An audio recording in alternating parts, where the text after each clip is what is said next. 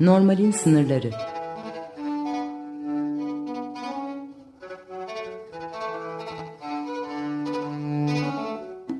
Klinik felsefe sohbetleri.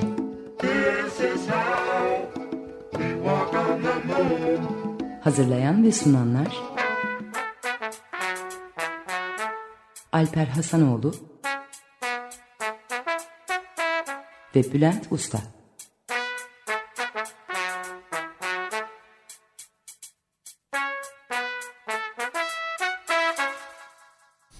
Merhaba, Normalin sınırlarına hoş geldiniz. Merhaba, e, ben Alper. E, Bülent, Bülent'i tanıtmak zorundayım çünkü geçen programımızda yoktu. Belki unut, unutmuşlardı seni Bülent diye ama seni... Sanmıyorum. e, e, e, bir e, dinleyicimiz, bayağı sadık bir dinleyicimiz herhalde, e, şey söyledi. E, bazı kavramları biz tabii sizin kadar bilemiyoruz. O kavramları... E, yani programın süresi de e, kısıtlı. E, o yüzden siz o kavramları pek tanıtmıyorsunuz, tanıtmadan geçiyorsunuz.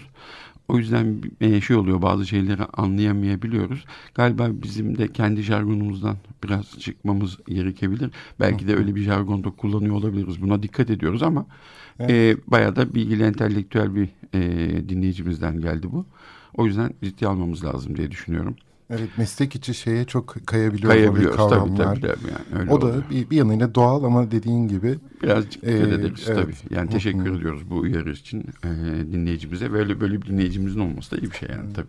Şimdi ben e, bizim bugünkü konumuz Bülent'le e, daha önce yani birlikte yaptığımız son programda e, İrem diye karar verdik ve onu yapacağız. Onunla ilgili konuşacağız onun e, normalle ne, nasıl bir e, ilişki içinde olduğunu konuşacağız ama benim son e, zamanlarda yakın zamanda izlediğim bir e, toplantıda bir e, seminerde e, normalin sınırları programını e, yapma konusundaki bu e, şeyimizin arzumuzun ve e, ne kadar haklı bir gerekçeye dayandığını ve hakikaten nasıl köşeye sıkıştırıldığımızı e, daha iyi anladığım bir e, şey yaşadım. E, yani kimin söylediği, kimin yaptığı, programın adı, seminer filan çok önemli değil.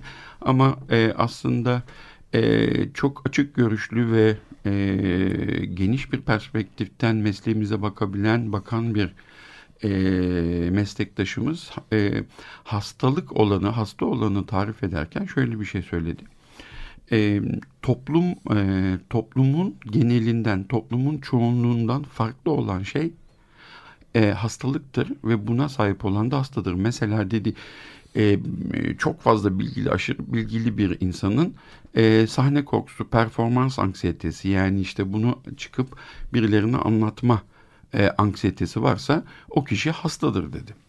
E, ben e, peki ya o kişi bundan rahatsız değilse tamam böyle bir anksiyetesi var ama bununla barışmış ve tamam diyor ben yani konuşmayabilirim diyor. E ne yapacağız o zaman ne yapacağız dedim. Yani hasta dediğimiz zaman onu tedavi etme hakkımız da oluyormuş gibi oluyor. Ya da hasta diyerek yaftalıyoruz filan. Hayır de tamam istemiyorsa tedavi etmeyiz. E, ama o yine de hastadır. Şimdi e, birilerinin insanların önünde 100 kişinin, 200 kişinin ya da 5 kişinin önünde konuşmaktan çekiniyor olma olmak gibi. Bu kadar aslında normal bir şeyi hastalık olarak e, tarif etmeye başlamak gerçekten beni çok ciddi ür, ürküttü, korktum. Çünkü e, yani olma, olamaz mı Bülent değil mi bir insan ya çekinemez mi ya? Yani illa çekindiği için, utandığı için burada gelip bizimle mesela konuşmaya çekindiği için, e, rezil olacağım diye korktuğu için bu korku haklı olsun, haksız olsun. Çekinmek neden hastalık olsun? Evet bu hastalık böyle e, tıpkı Foucault'un böyle delilik üzerine yaptığı çalışmalı deliliğin tarihinde tarif ettiği gibi e, bizim böyle program ilk, ilk programda da bahsettiğimiz gibi böyle ilaç sektöründen bilmem neye ideolojiye e, pek çok şeye e, iktidarların değil mi kullandığı bir şey haline geliyor. Bir enstrüman haline geliyor. Evet. Normali ne olduğunu belirlediğinizde değil mi daha iyi böyle kontrol e, edilebiliyor. E, evet. İktidar lafı burada galiba çok önemli evet. değil mi? Yani ona hasta diyerek aslında iktidarı e, gücü elimize geçirmiş oluyoruz ve e, belirliyoruz neye karar verileceğini. Ve bizim hani e, bahsettiğimiz yani DSM kitabına göre e, bu tanı kitabı DSM. Evet. Şimdi ka kavramı evet, açmak evet, gerekirse. Evet, tabii, Psikiyatrik ee, hastalıkların tanı, tanı evet. kriterlerinin yazıldığı önemli bir kitap. Evet o kitaba göre hepimiz hastayız zaten. Tabii tabii şu anda biz iki kişiyiz burada. En azından masanın üzerinde altı, altı tane tanı vardır. Olabilir. Ben kendi üç tane mi biliyorum seninkilerini bilemeyeceğim.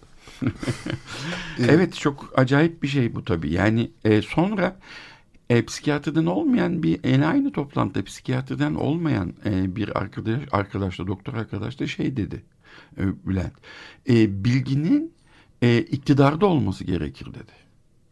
Aslında e, bütün iktidarlar e, gerçekten çok ciddi bir şekilde tehlikeli şeyler e, ve bilginin iktidarda olmasını iddia etmek e, gerektiğini iddia etmek şey de olmuyor mu ya? Tamam hangi bilgi yani? Evet. Değil zaten mi? mesele o. Hangi bilgi, hangi bilim, hangi evet. sanat? E, ve orada bilgi zaten şu an iktidarda. Evet. Ama hangi bilgi iktidarda? Evet ve bu bilgi nasıl evet. kullanıyor ve, ve iktidarını nasıl kullanıyor? Ve hasta tanımı da zaten o iktidarda olan e, bilgi tanımına göre. Hasta evet. tanımda o iktidarda olan bilgiye göre zaten. Evet. Hani hakikat denen şey e, bütün felsefe tarihine bak defalarca değişmiş bir şey hakikat. Hakikat denen bir şey yokken e, sahip olduğumuz bilginin ulaş sahip olduğumuz ve doğru olduğunuzu olduğunu düşündüğümüz bilginin e, kesinlikle hakikat olduğunu iddia etmek ve bunun iktidarda olmasını talep etmek yani ciddi bir e, faşizan bir e, ruh içeriyor. Çok tehlikeli olduğunu düşünüyorum ben. Evet bu faşizan ruh denince zaten bugünkü programın konusuyla da İğrenme deyince evet, de... Oraya geçelim istersen. Evet, e, iğrenmek de aslında çok böyle e, bir yanıyla faşizan bir şey. E, ve mesela faşizan olan her şeyin ya da faşizmin temelinde bir şey var. İğrenme, ötekinden. Evet, e, yabancıdan. Bu bir ırk olabilir, bu bir cinsiyet olabilir, bu bir tür olabilir. E, onlardan bir iğrenme üzerine zaten kurulu. Ve e, bugünkü konuyla da yani mesela işlediğimizde, baktığımızda iğrenmenin de aslında kendi içerisinde normali e, ne kadar belirsiz olduğu. Evet. E, kime göre, kültüre göre, insana göre İranmenin nasıl farklı anlamlara gelebildiğini Tabii. burada böyle bakıyor olacağız. Ben bu programı böyle senin de çok sevdiğin e, filozof Nietzsche'nin bir sözüyle İranme ile ilgili. E, onun Deccal'da yazan bir şeyi. İnsanlığı bir kendi çelişkisine, kendini kirletme sanatına, ne pahasına olursa olsun yalan istencine, bir iğrenmeye, tüm iyi ve doğru itkilerin küçümsenmesine dönüştürmek için eğitmek. Eğitimin sonunda da böyle ünlem de koymuş. İnsanları iğrenmeye, iyi ve doğru itkilerin, tüm iyi ve doğru itkilerin küçülmesine dönüştürmek için eğitmek. Sence Nietzsche iğrenmeyi e, burada neden kutsuyor olabilir? E, neyi neyden iğrenmek gerektiğini söylediğine dikkat edersek aslında e, Nietzsche her zaman aforizmatik konuşmayı e, seven bir insan. E, yani e, mesela e, herkes o e, bir şimdi söyleyeceğim cümleyle onu kadın düşmanı zanneder. Halbuki e, 19. yüzyıl üniversite e, üniversite hayatındaki kadın haklarını en fazla savunan insanlardan biridir. Mesela işte o şey der hemen e, kadınıma gidiyorsun kırbacı hazırla der ve bu cümle alınır e, ve e, ondan sonra bu kadın düşmanı olur. Nietzsche e, çok provokatif konuşmayı e, seven bir, bir insan. Burada e, e, Deccal diye e, bizim e, Türkçe'ye çok yanlış bir şekilde çevrilmiş olan Antikrist kitabından bahsediyorsun sen hı hı. aslında. E, Deccal e, biliyorsun şey olmadan önce e, kıyamet kopmadan üç gün önce gönderilecek olan ve herkesi büyük kötülüklere sevk edecek olan peygamber. Şimdi e, İngilizce'de ve Almanca'daki karşılığı Antikrist, Deccal'ın. Ama bir filoloji uzmanı yani bir dil bilimcisi e, o kitaba de, Antikrist ismini koyarken yani Deccal anlamına gelen Antikrist adını koyarken aslında Hristiyanlık karşıtı olduğunu söylemeye çalışıyor. Yani kelime oyunu yapıyor. Biz bunu Hristiyanlık karşıtı anlamına da gelen, Deccal anlamına da gelen Antikristi Deccal diye Türkçe'ye çevirdiğimizde e, iğrenilecek tırnak içinde söylüyorum iğrenilecek bir peygamberden ve çok kötü bir insandan bahsediyoruz tamam mı? Ve e, burada iğrenmek e, dediği şey protestan ahlakın bize iyi diye vaaz ettiği her şeyden iğrenmeyi kastediyor. Ve burada mesela iğrenme deyince de yine bir Nietzsche'ci olan mesela bugün en çok bir referans vereceğim şey biri George Bataille olacak diğeri de Kristeva, Julia Kristeva olacak.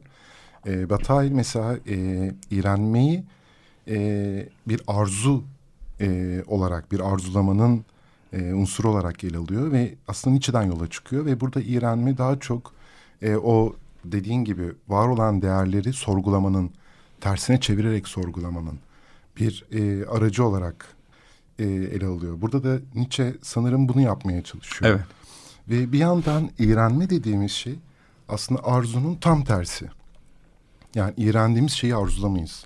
Hı hı. E, fakat arzumuzu iğrendiğimiz şeye bakarak tanıyabiliriz. Mesela bizim, Zaten zıttı olmadan bir evet, şeyi... Madalyonun bir diğer yüzü ve oraya bakarak aslında kendi sınırlarımızı e, görebiliriz. Ve bir yandan da mesela psikanalitik açıdan kendi bedenimizin aslında kendi benliğimizin sınırlarını da kuran bir şey. Çocuk dünyaya geldiğinde bir özne olarak dünyaya e, içine açıldığında ilk yaptığı şey aslında iğrenmek. İğrenerek kendisini ayırıyor dış dünyadan. İğrendiği şeyler var ve o iğrendiği şeyler üzerinden kendisini kurmaya başlıyor. Ama oraya takıla, takıldığında bu iğrenme bir tabii şeye de dönüşebiliyor. Ee, normal olmayan bir patolojiye de dönüşebiliyor. Hı hı. O İran'ın işte kendisi. o işte o normal olmayanı nasıl tanıyacağım, tanımlayacağımızı bilmediğimiz için patoloji e, derken de galiba çok dikkatli olmak lazım. Çünkü e, patolojik dediğimiz andan itibaren de aslında belirli normlara göre ve değerlere göre patolojik diyoruz ve bu normları belirleyen de zaman ve tarihsel süreçler oluyor. Evet. E, böyle olduğunda da e, e, biz aslında e, patolojik olarak e, değerlendirdiğimiz bir şey. Mesela işte herhalde e, bizim kültürde pek böcek yemek bilmem ne filan e, çok e, hoş da şeyler değil ama e, biliyorsun e, uzak doğu kültüründe gayet de e, güzel yemek olarak kullanılıyor bunlar ve Meksikalılar da şeyin içine daha yaşayan kurt atarlar tekilanın içine. Ve onu da tekila ile birlikte içerler. Şimdi hani e, yerler e, tekile içip e, kurdu yiyorlar. Yanlış anlaşılmasın. Şimdi yani aslında ne kadar e, kültürden kültüre ve zamana göre değiştiğini gösteriyor. Sen şimdi muhtemelen bağlayacaksın bir yere ama ben araya bir şey girip sana tamam. çünkü sen dedin ya yani psikanalitik açıdan ee, ben tabii sana ben de psikanalitik açıdan bir şeyler söyleyeceğim dedin dedim diye sen iyi hazırlanmışsın gibi e, gözüküyor. Ama sana şöyle söyleyeyim.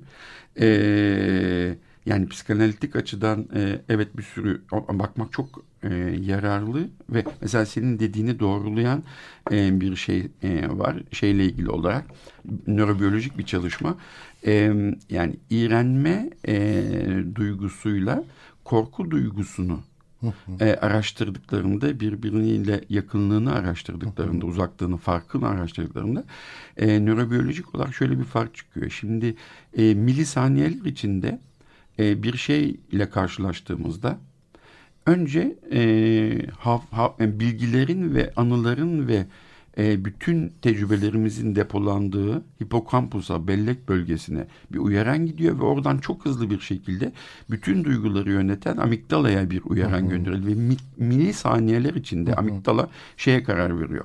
Bu olumlu bir duygu mu, olumsuz bir duygu mu? Ona göre başka e, beynin bir sürü yerinde buna nasıl reaksiyon gösterileceği ile ilgili uyaranlar gönderecek.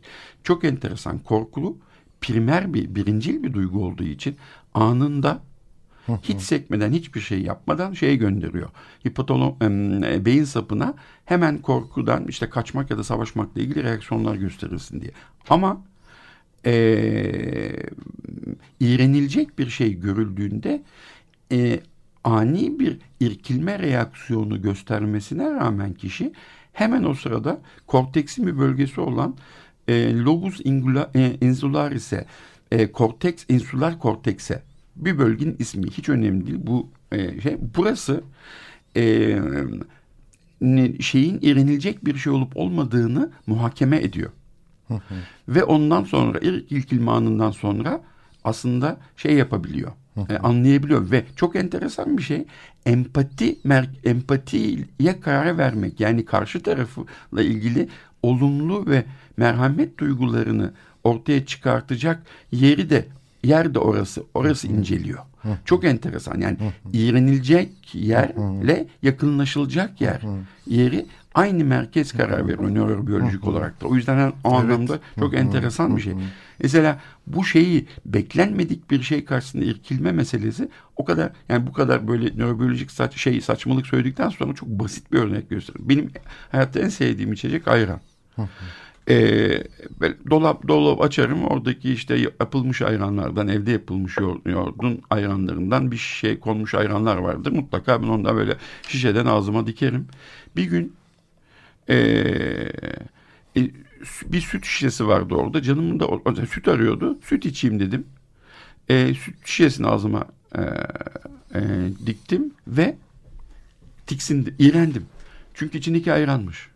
Ben onu süt zannediyordum. İrkildim ha. Sonra o kadar iğrenç geldi ki. Ve sonra aslında benim en yani en sevdiğim kanlıca yoğurduna yapılmış ayran tamam mı? Şimdi sana veriyorum söz.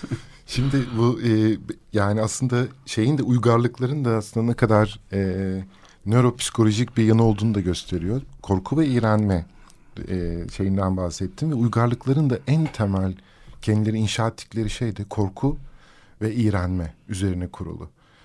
Yani her uygarlık mutlaka her kültür korkuya ve iğrenmeye ve her iktidar korkuya ve iğrenmeye ihtiyaç duyuyor. Çünkü bu korku ve iğrençlik, iğrenme e, bireylerin uyumlanmasını, toplumların e, yatışmasını sağlayan dinsel, ahlaki, ideolojik kodların bir yüzü aslında. Yani o bilişsel şeylerin dışında e, bir yanıyla o duygular üzerinden de diğer yüzünü oluşturuyor. Ve bu kodlar iğrencin arındırılmasına ve bastırılmasına hizmet eden e, kodlar. Yani iğrenç olandan uygarlık e, ve korktuğumuz şeylerden ve iğrenç olandan bizi arındıran, koruyan, bastırılmasına hizmet eden kodlar. Ve tıpkı iğrençliği böyle şey olarak Julia Kristeva e, ensest yasağı gibi tüm toplumlara e, içkin olan böyle evrensel bir şey olarak ve tanımlar.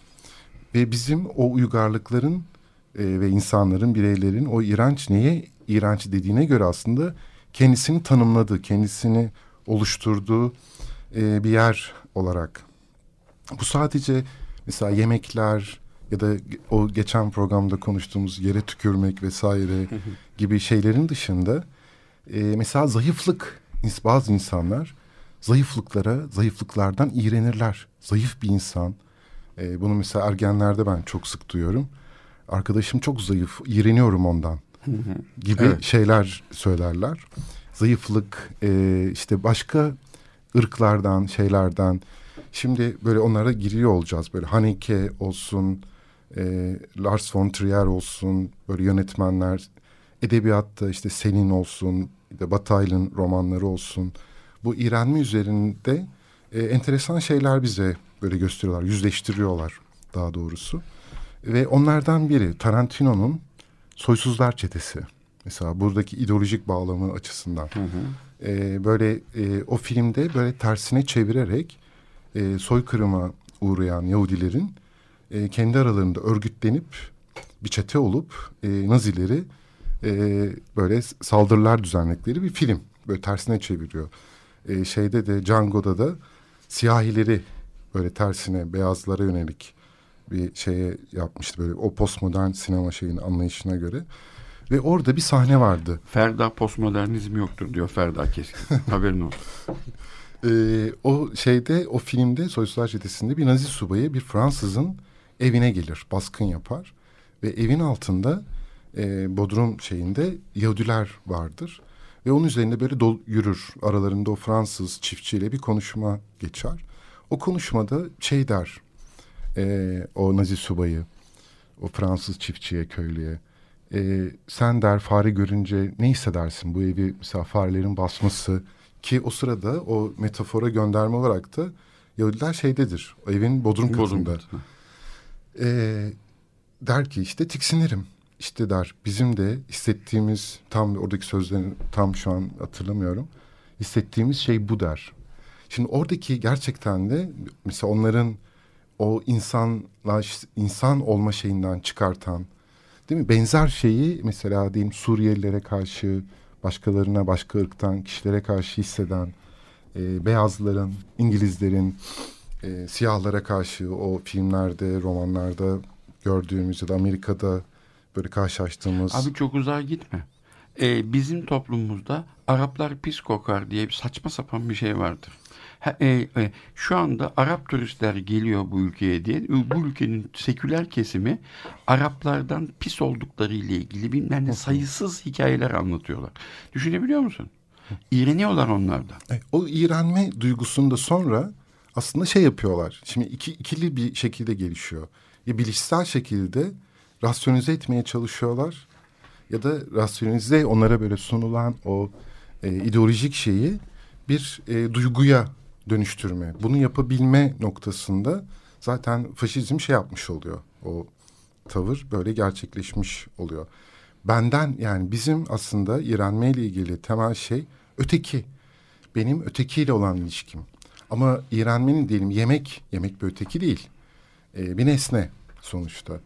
Onunla kurduğum yani kendimi aslında iğrendiğim şeylere göre e, tanımlıyorum. Ona göre, onu o ihtiyaca e, ona bir ihtiyaç duyuyorum. Tabii norm, normalin ve düzenin, normal olanın ve düzenin e, dışında kalan şey olarak yani böyle iğrenme o yüzden iğrenme duygusunu ne kadar çok arttırırsan aslında normale ve normali ve düzeni o kadar çok vurgulamış ve o kadar tutuculaşmış olursun. yani e, yapılan acayip çalışmalar var. E, mesela aşırı daha tutucu, daha muhafazakar insanlar, sağ görüşlü insanların e, toplu, toplu açık e, tuvaletlere, kamusal tuvaletlere girmekte daha fazla zorlandıkları. Mesela hani işte birinin oturduğu sandalyeden kalktığında o sandalye biraz sıcaktır ya oraya oturmakta çok imtina ettikleri ve bunun e, iğrendikleri bir iğrenme duygusu gelişti. Tabii ki bu şu bu şimdi e, e, bu şey kısmı işin e, toplumsal e, boyutu yani ötekini ötekinden kendini güya korumak için yapılan evet. tehlikeli olan şeyden kendini korumak evet. bireysel boyuta gelirsek anlaşılabilir bir şey de olabiliyor. Şimdi çocukluğunda net bir şekilde ağır travmalar geçirmiş olan insanların tamamında çok ciddi o travmaya sebep olan şeyi anım e, anımsatan ya da çağrıştıran herhangi bir şeyden tiksinme, iğrenme söz konusudur. Bir başa çıkmasıdır. Yani bir savunma mekanizması olarak. yani e, çocukluğunda şeye uğramış, tecavüze uğramış e, birisi ve bunu bir şekilde atlatamamış suçluluk duyguları içinde kıran birisi bunu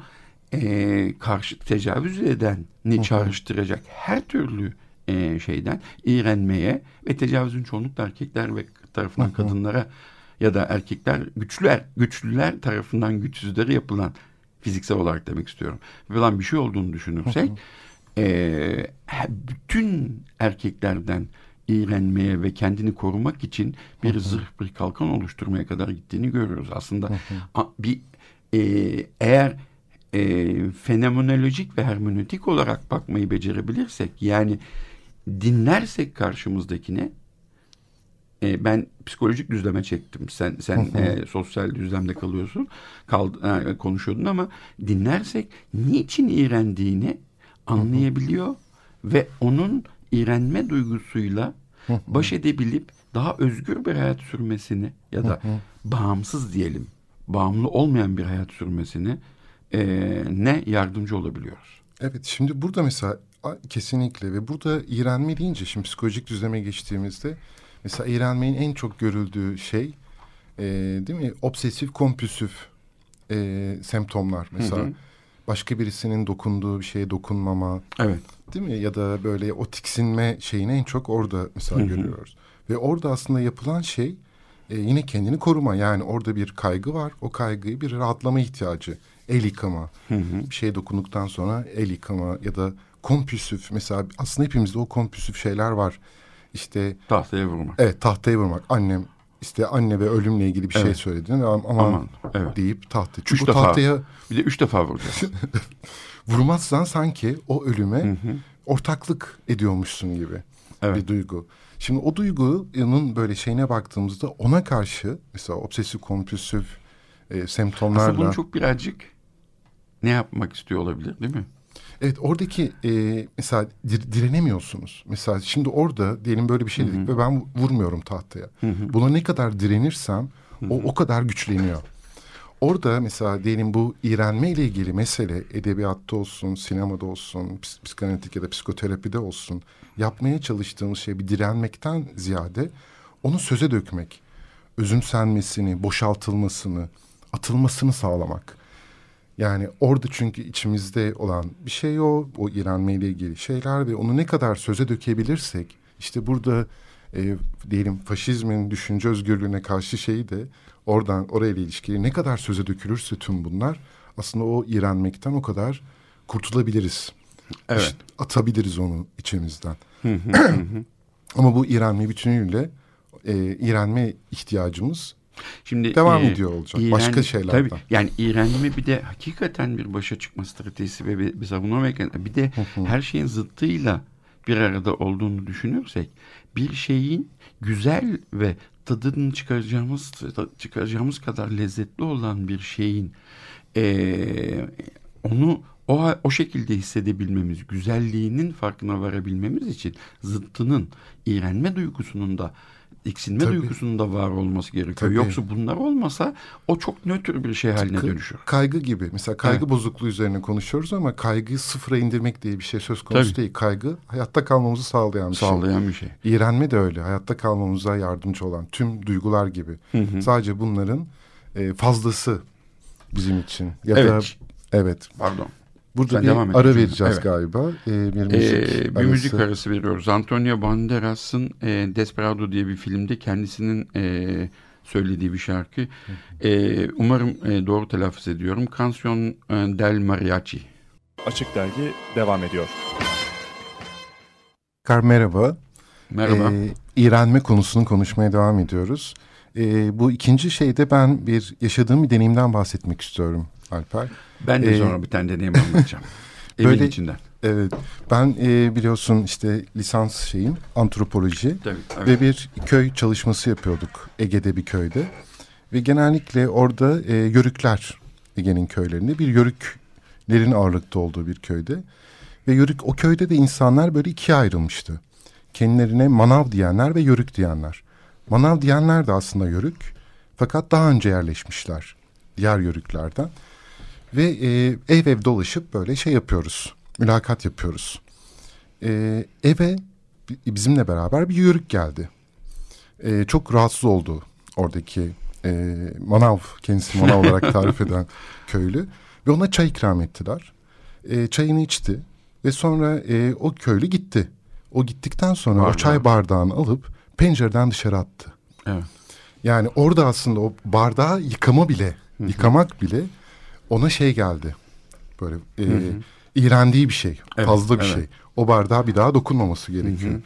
Şimdi buradaki mesela bir siyah yani ikisi de yörük aslında. Birisi daha önce yerleşmiş, birisi daha sonra yerleşmiş.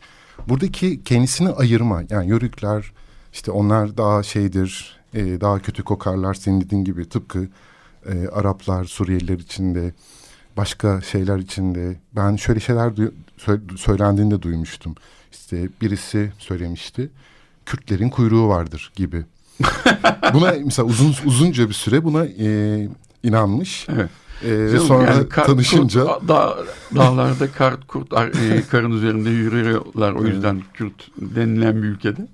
Bu da olabilir yani. Evet buradaki o işte iğrenme, oradaki korku, iğrenme ve korku zaten çok böyle bitişik evet. e, duygular. Utanmayla da bitişik. Sonra onu e, ta, onu da konuşalım. Tabii utanç, iğrenme bunların hepsi aslında bizim ilksel duygularımız. Yani çocuk dünyaya geldiğin andan itibaren dünya ile ilişkisini bu e, duygular üzerinden e, tanımlıyor. Bu e, tanımlayarak aslında şey, kendisini oluşturmaya başlıyor. Ben burada başlıyor. sana biraz e, katılmıyorum çünkü başka bir sürü şey var. Yani biraz evvel onu gösterdiğim muhakeme kısmı devreye giriyor. Çünkü kültürel bir şey. Birin, iğrenme birincil bir duygu değil. Bak bir çalışma var. Ama ben aslında... Bu ya birincil di, di, diye söylemedim ama bizim için mesela temel olarak temel endişe, evet. korku, suçluluk, utanma ve iğrenme, Hı. tiksinti. Bunlar evet. e, çocuk mesela küçük bir çocuğa yemek yedirirken tiksiniyor. ağzından çıkarıyor. O yemeği almak istemiyor. Ama ee, onu e, tiksindiği için değil, yemek yemek iste, o yemeği yemek istemediği için çıkartıyor. Tiksindiği için çünkü bir süre sonra onu kandırdığın zaman onu ye, yemeye başlıyor. Bir dakika. yani e, e, emosyon araştırmalarında emosyonlar birincil ve ikincil olarak ayrılıyorlar. Birincil emosyonlar çok net bir şekilde yani doğrudan amigdala üzerinden e, yönetilen diğerleri korteks bağlantısı evet, olan şeyler. Evet. O anlamda suçluluk duygusu, iğrenme bunların tamamı korteksle bağlantılı olduğu için e, şey baş, evet. yani ikincil duygular yani evet. muhakeme ve kültürel evet. bak bir çalışma yani çok net bir çalışma var. Evet tabii. 3 yaşına 4 yaşına kadar e, çocuklara e, hamam böcekleri, e, çikolata e, şeyler e, kaka şeklinde çikolataları koyduklarında yerlere e, onlar bunu rahatlıkla alıyorlar ve yiyorlar. Zaten bebekler yerlerden devamlı bir şeyler alıp ağzına atarlar. Oral fazla ilgili e, tabii oral fazla olan o çocuklar ama iğrenmez ondan. Ama 3-4 yaşına kadar anne ve baba o kadar çok e e e e kaka kaka demiştir ki e, 4 yaşından itibaren çocuklar e, bok şeklindeki kaka şeklindeki çikolatalardan böcek şeklindeki çikolatalardan iğrenmeye başlar. Evet burada zaten çocuk derken onun zaten 3 yaşında birisi de çocuk. E, 4 yaşında birisi de çocuk ve süper ego ile ilgili bir şey. Süper egonun oluşmasıyla iğrenme, suçluluk bunlar e, süper ego ile beraber gelişen ve e, bir yanıyla önemli bir yanıyla da böyle öğretilen şeyler. Hatta Batay e, ona dair şey de söylüyor. E, diyor ki e, kafasına vurula vurula çocukların e, öğrenmek zorunda kaldıkları şeyin kuşaklar boyunca aktarılmasıyla aslında e, oluşan bir şey olduğunu E, ve buna mesela cinsellik dahil pek çok şeyin eşlik ettiğini, o kültürün ihtiyacı olan e, bütün o kodların bu şekilde e, topluma kazandırıldığını, bireye kazandırıldığını söylüyor ve Batayl'ın sürekli yazdığı romanda da, yazdığı kitaplarda da sürekli böyle iğrenmeye dair e, şeyi de oradan, o toplumsal dönüşümü. En Nietzsche'ci Fransız. Hı? En Nietzsche'ci Fransız. En Nietzsche'ci Fransızlardan, evet. Ee, eski Yunan'dan, e, ben önce bir Eylül'le ilgili bir şey, benim kızımla ilgili ama bir yaşındaki Eylül'le ilgili bir şey anlatmak istiyorum. Ee, banyonun yanından geçiyordum evde, o bir yaşındayken. Ee, o şey banyonun kapısı açık kalmış. Klozetin yanında oturuyordu. Emekleyerek oraya gitmiş. E, ve elinde şeyi tutuyordu. Ağzının tam kenarında duruyordu. Tuvalet fırçası vardır ya. Benim onu gördüğüm anda vücudumda ne kadar çok tüy varsa hepsi böyle dimdik ayaklandı. Aslında bak o tuval hani e, şey konuşuyorduk ya. Ya insan kendinden çıkan o tükürüğü mesela tekrar ağzına al, aa, iğrenir. Ya şimdi tuvalet benim karımın hayatta en sevdiğim insanın çocuklarım yani ya, tamam mı? Tuvalet bizim tuvaletimiz. Ve bizim çocuğumuza bizim içimizden çıkan çocuk o tuvalet fırçasını elinde tutuyor diye ben müthiş bir şey yaşadım. e, gerginlik yaşadım. Yani e, ağzı etrafı ıslak değildi neyse ki bir şey oldu. Yapmamış galiba ama şimdi bak modern toplumların e, en az konuşulan modern top modern top iğrenme meselesinde o değişim meselesinde tuvalet meselesi çok önemlidir ya. tuvalet yani böyle cinsellik, ölüm her şey hakkında çok daha fazla konuşulmuştur. Ama tuvaletle ilgili çok az konuşulur. Şimdi e, eski Yunan'daki e, e, tuvalet adabını bilir misin e, nasıl olduğunu? E, şimdi yani şeyler e, vatandaşlar böyle bir e, yalnızca e, şey değil, e, tuvalet meselesi değil. Şimdi e, şey, bir şölen yapılacaksa, yemekler yenip şaraplar içilecekse e, uzanırlar insanlar. E, e, işte yemek ye, uzanarak yerler e, filan ve bu arada da mesela çok yiyip içtiklerinde de yemek içmeye ve şölene devam etmek istedikleri için yanlarında bir e, güvercin e, kanadı tüyü vardır. Bir de e, bir de kusma kovası vardır. Güvercin kanadı tüyünü sokarlar ve kusarlar ve herkesin önünde kusarlar. Ağızlarını salkalarlar ve yemek yemeye devam ederler. Tuvalet ihtiyacı geldiklerinde de eğer ben yoksa zaten tuvalet böyle bir şeyden oluşur. Bir mermer e, sıra arka tarafta da su akıyordur ve hani bir sürü insanın yan yana oturabildiği bir şeydir. Önce köleler gönderilir e, oraya mermer çünkü soğuktur ya yani e, o nazik popoları vatandaşların üşümesin diye önce köleler gönderilir. Köleler orada oturur ve ısıtır ve sonra vatandaşlar gidip oraya sohbetlerine devam ederken bir yandan da hacetlerini giderirler. Şimdi e, modern toplumda ise e, yani her yerde kapalıdır tuvalete gitmek ve biz ne kadar bununla yüzleşirsek yüzleşelim ne kadar çok e, açık alan kafelerdeki restoranlardaki tuvaletlere gitme defalarca gittiğimiz halde ve çok temiz olduğunu düşündüğümüz halde halen daha aslında o tuvaletlere başka insanların dışkılarının da e, ideallerinin de bulaşmış olması gibi müthiş bir iğrenme duygusuyla orada hiçbir yere elimizin değmemesine çalışarak ya da mümkün olduğunca koruyarak işte abartılı bir şey halinde temizlik, hijyen e, meselesi haline gelirse çok daha korkunç bir şey haline dönüşüyor ama e, ne kadar değişik yani birlikte e, mermerde oturuyorlar, kusuyorlar, yiyorlar. E ne oldu? Yalnızca 5 bin yıl, e, şey, 3 bin yıl geçti aradan. Nasıl insan bu kadar değişebiliyor? Evet. Ve orada bunun değişme dair aslında şimdi anlattığında Ivan İlgiç'in e, H2O diye böyle incecik bir kitabı vardır. Ben böyle onu 90'larda okumuştum. Bağlam yayınlarındandı galiba. Oradan çıkmıştı. Şimdi var mı baskısı bilmiyorum. Orada bu temizlik meselesini böyle çağlar boyunca, kültürler boyunca nasıl değiştiğini e, ve şöyle bir soru soruyordu kitabında, kitabın bir yerinde. Mutlak temizlik var mıdır? Yani bir yeri ne kadar temizlersek temizleyelim gerçekten orası mutlak olarak temizlenmiş midir? Ve oradaki mutlak temizlik... OKB hastalarını mahvettin şimdi. biraz evvel senin anlattıkların da biraz onlardaki o şeyi canlandırmış olabilir. Ee, şeyi... E, ne kadar temizlersen bunu, temizle temizlenmez diyorsun yani. Evet ne kadar ve bu e, hangi kültüre ve mesela eskiden diyelim e, çölde su yok ve kumla. Kumla temizliyorlar. Evet, evet. ellerini, şeylerini kumla temizliyorlar. Abdest almak bile mümkün biliyorsun İslam'da. Yani kumla da abdest alabilirsin. Tabii su olmadığında evet. yani Hı-hı. şimdiki şeyde fakat Değil, eskiden su yoktu ve öyle Hı-hı. temizleniyordu insanlar. Ve oradaki o temizlik anlayışı nasıl kültürel formlarla e, Avrupa'da da öyle. Ort mesela eski İngiltere ile ilgili filmlerde herkesi böyle çok pasaklı görürüz. Abi taharet musluğu meselesi. E, batı'da taharet musluğu yok. yok. Evet. Yani e, ve e, şu tartışılıyor. Yani su mu daha iyi temizler, kağıt mı? Hı hı.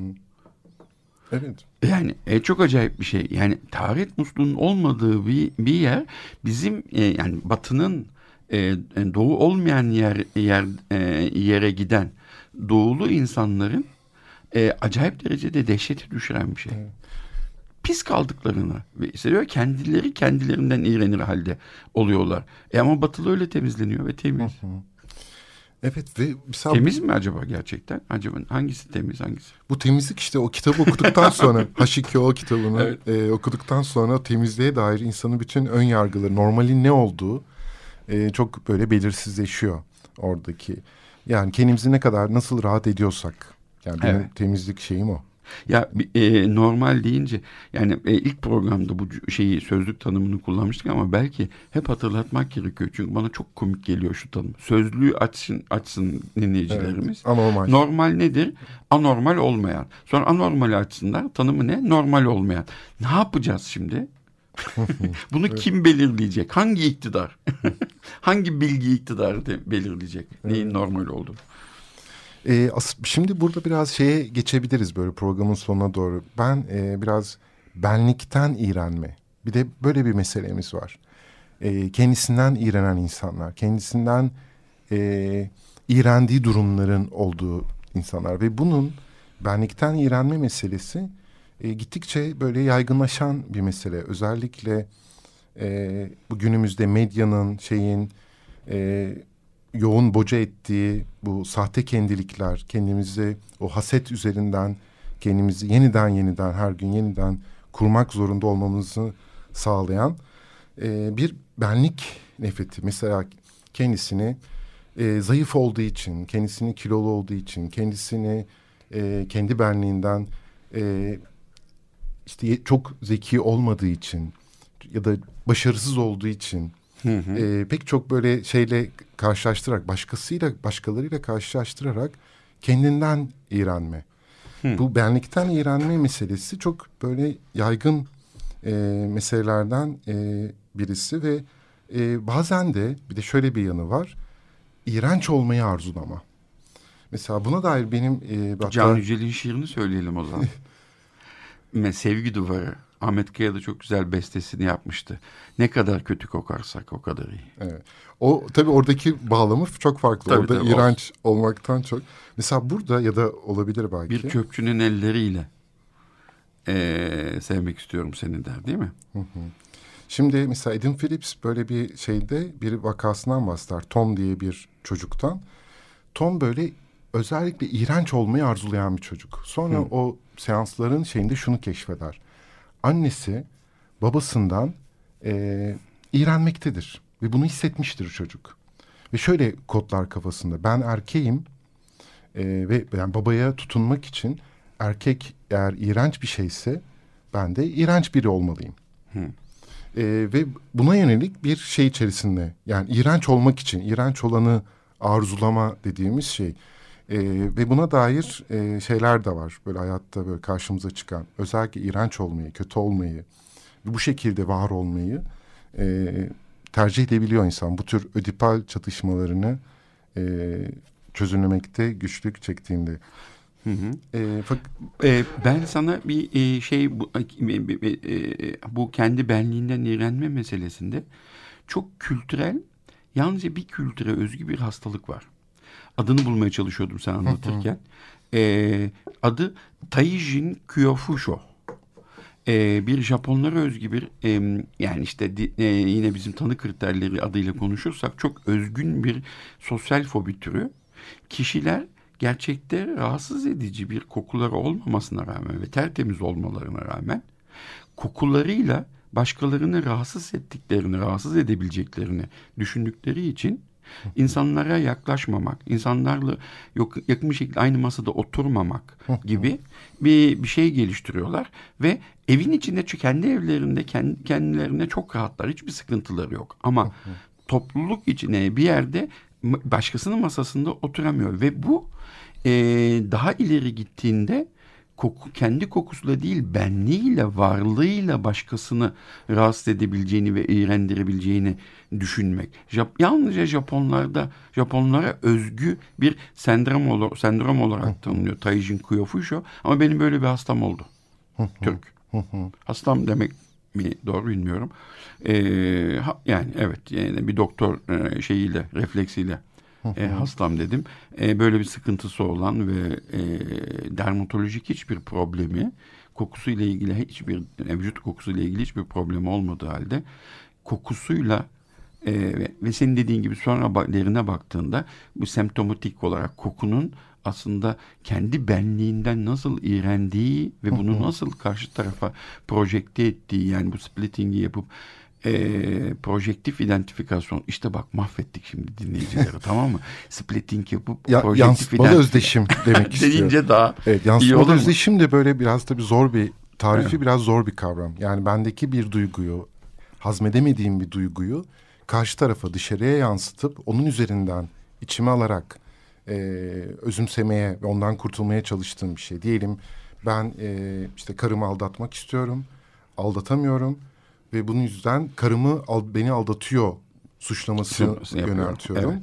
Ve bu şekilde o duyguyla onu suçlayarak... O kötüden kurtuluyorum. Evet o kötüden Kötü. kurtuluyorum. Fakat biliyoruz ki o kötüden kurtulamıyor kimse. Çünkü o kötü nesne mutlaka sahibine e, bir şekilde dönüyor. Ve o, o duyguyla çünkü dışarı atarak şey yapamıyoruz. Fakat bu hmm. şey hep devam ediyor.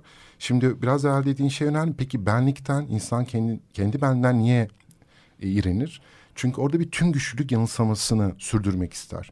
Bu da İğrenir. bir başa çıkma mekanizması ama. Evet o yani o aslında iğrenmesi o tüm güçlü olma arzusunun bir şeyi. Evet. Burada arzu ve iğrenmenin nasıl birbirini aslında karşıtı birbirini ama desteklediğini. Tüm güçlü olma arzusu o kişinin aslında iğrenilecek bir yaratık e, olduğu mesajının bir şekilde ona çocukken verilmiş olmasının bir telafi mekanizması. Niye tüm güçlülüğe ulaşmaya çalışsın? Ama bu tüm güçlü olma arzusundan e, Alper kimse vazgeçmiyor. Yani bunun yanılsama olduğunu yani çocuk dünyayı anne tüm güçlüğü biraz açarsak omnipotent dediğimiz aslında bir tanrısal güç her şeyi yapabilme, ölümsüz olma, her şeye kadir olma. Bundan şeyi, vazgeçmiyor hiç kimse derken biraz e, yanılmıyorsun yani bu, gibi. Bu yanılsamayı yok. Bunu ya idealizasyonlarla çözmeye çalışıyoruz diyelim.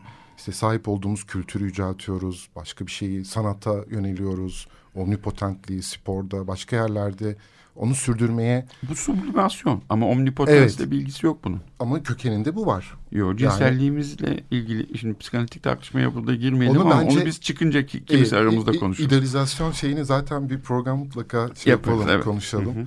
Ee, onunla ilgili olduğunu yani on, omnipotentlikten e, aslında şey yapmıyoruz ve orada kendimizi iğrendiğimiz şeye göre ve kendimizden iğrenerek kendimizi aslında dönüştürmeye e, çalışıyoruz. Fakat bu da bizde günümüzde o yaygın olan şey dediğimiz o false self, sahte kendilik şeyini dayatıyor ve bugün özellikle bu medya vesaire şeyiyle insanlar sürekli yeniden kendisini hatta kişisel gelişim kitapları da da çok e, severim onlar. Evet, gö göster gösterilen öğretilmeye çalışılan kendini yeniden yarat. E, ve yarattığın şey sadece başkalarının arzu nesnesi olarak kendini yarat. Başkalarının arzuladığı bir şeye dönüş mekle ilgili ve burada da iğrenme eşlik ediyor. Yani iğrendiğimiz şeye göre o kendimizden başkalarından iğrendiğimiz gibi kendimizden de bu sefer e, iğrenmeye başlıyoruz. Ve bunu yine psikoterapide bu iğrenmeyi işte söze dönüştürerek, e, onu özümseyerek ve e, o iğrenme şeyini dışsallaştırarak, dışarı atarak e, çözme gibi. Yoksa ona karşı direnme ya da şey söz konusu diye bir programın sonuna doğru e, utanma ile ilgili ben bir şey söyleyebilir miyim?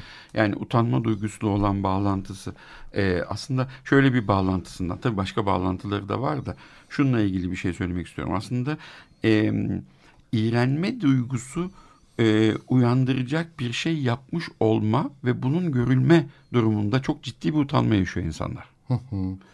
Yani e, ve bunun ancak legitimasyon, bunu haklılık haklılaştırarak bununla baş etmeye çalışıyorlar. Mesela işte geğirmek ortalık yerde şeydir ya rahatsız edicidir ya, edicidir ya.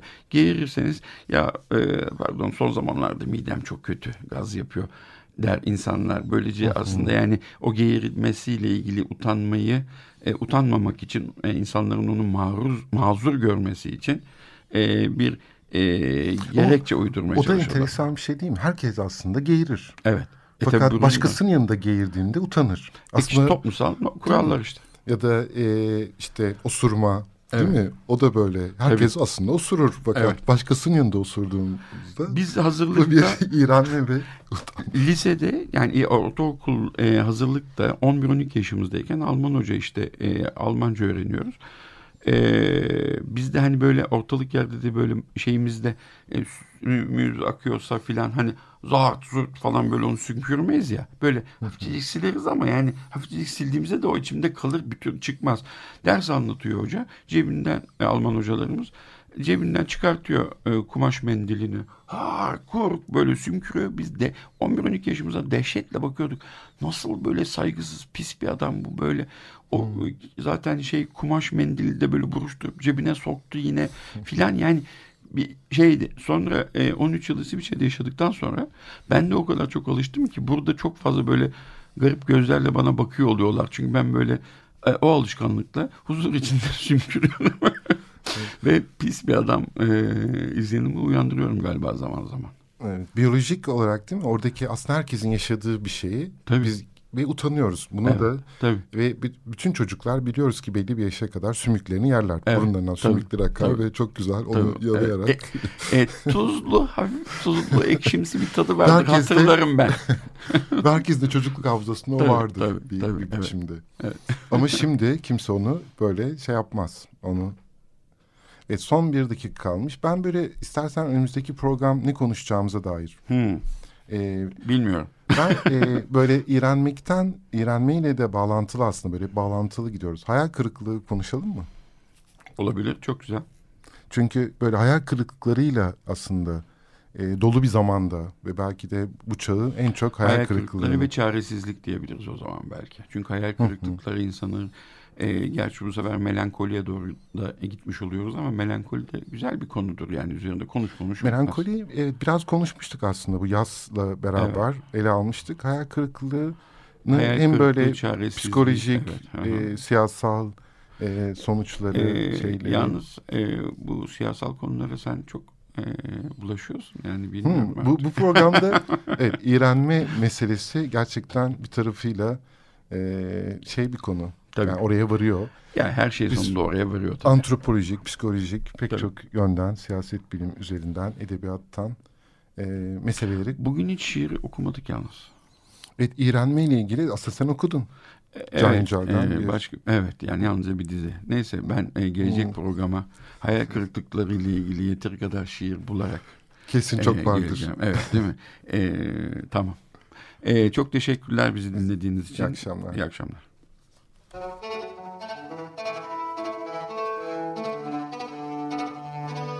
Normalin sınırları.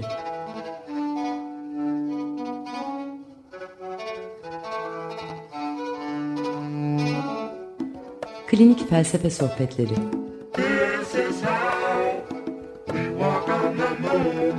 Hazırlayan ve sunanlar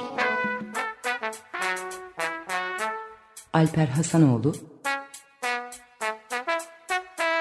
ve Bülent Usta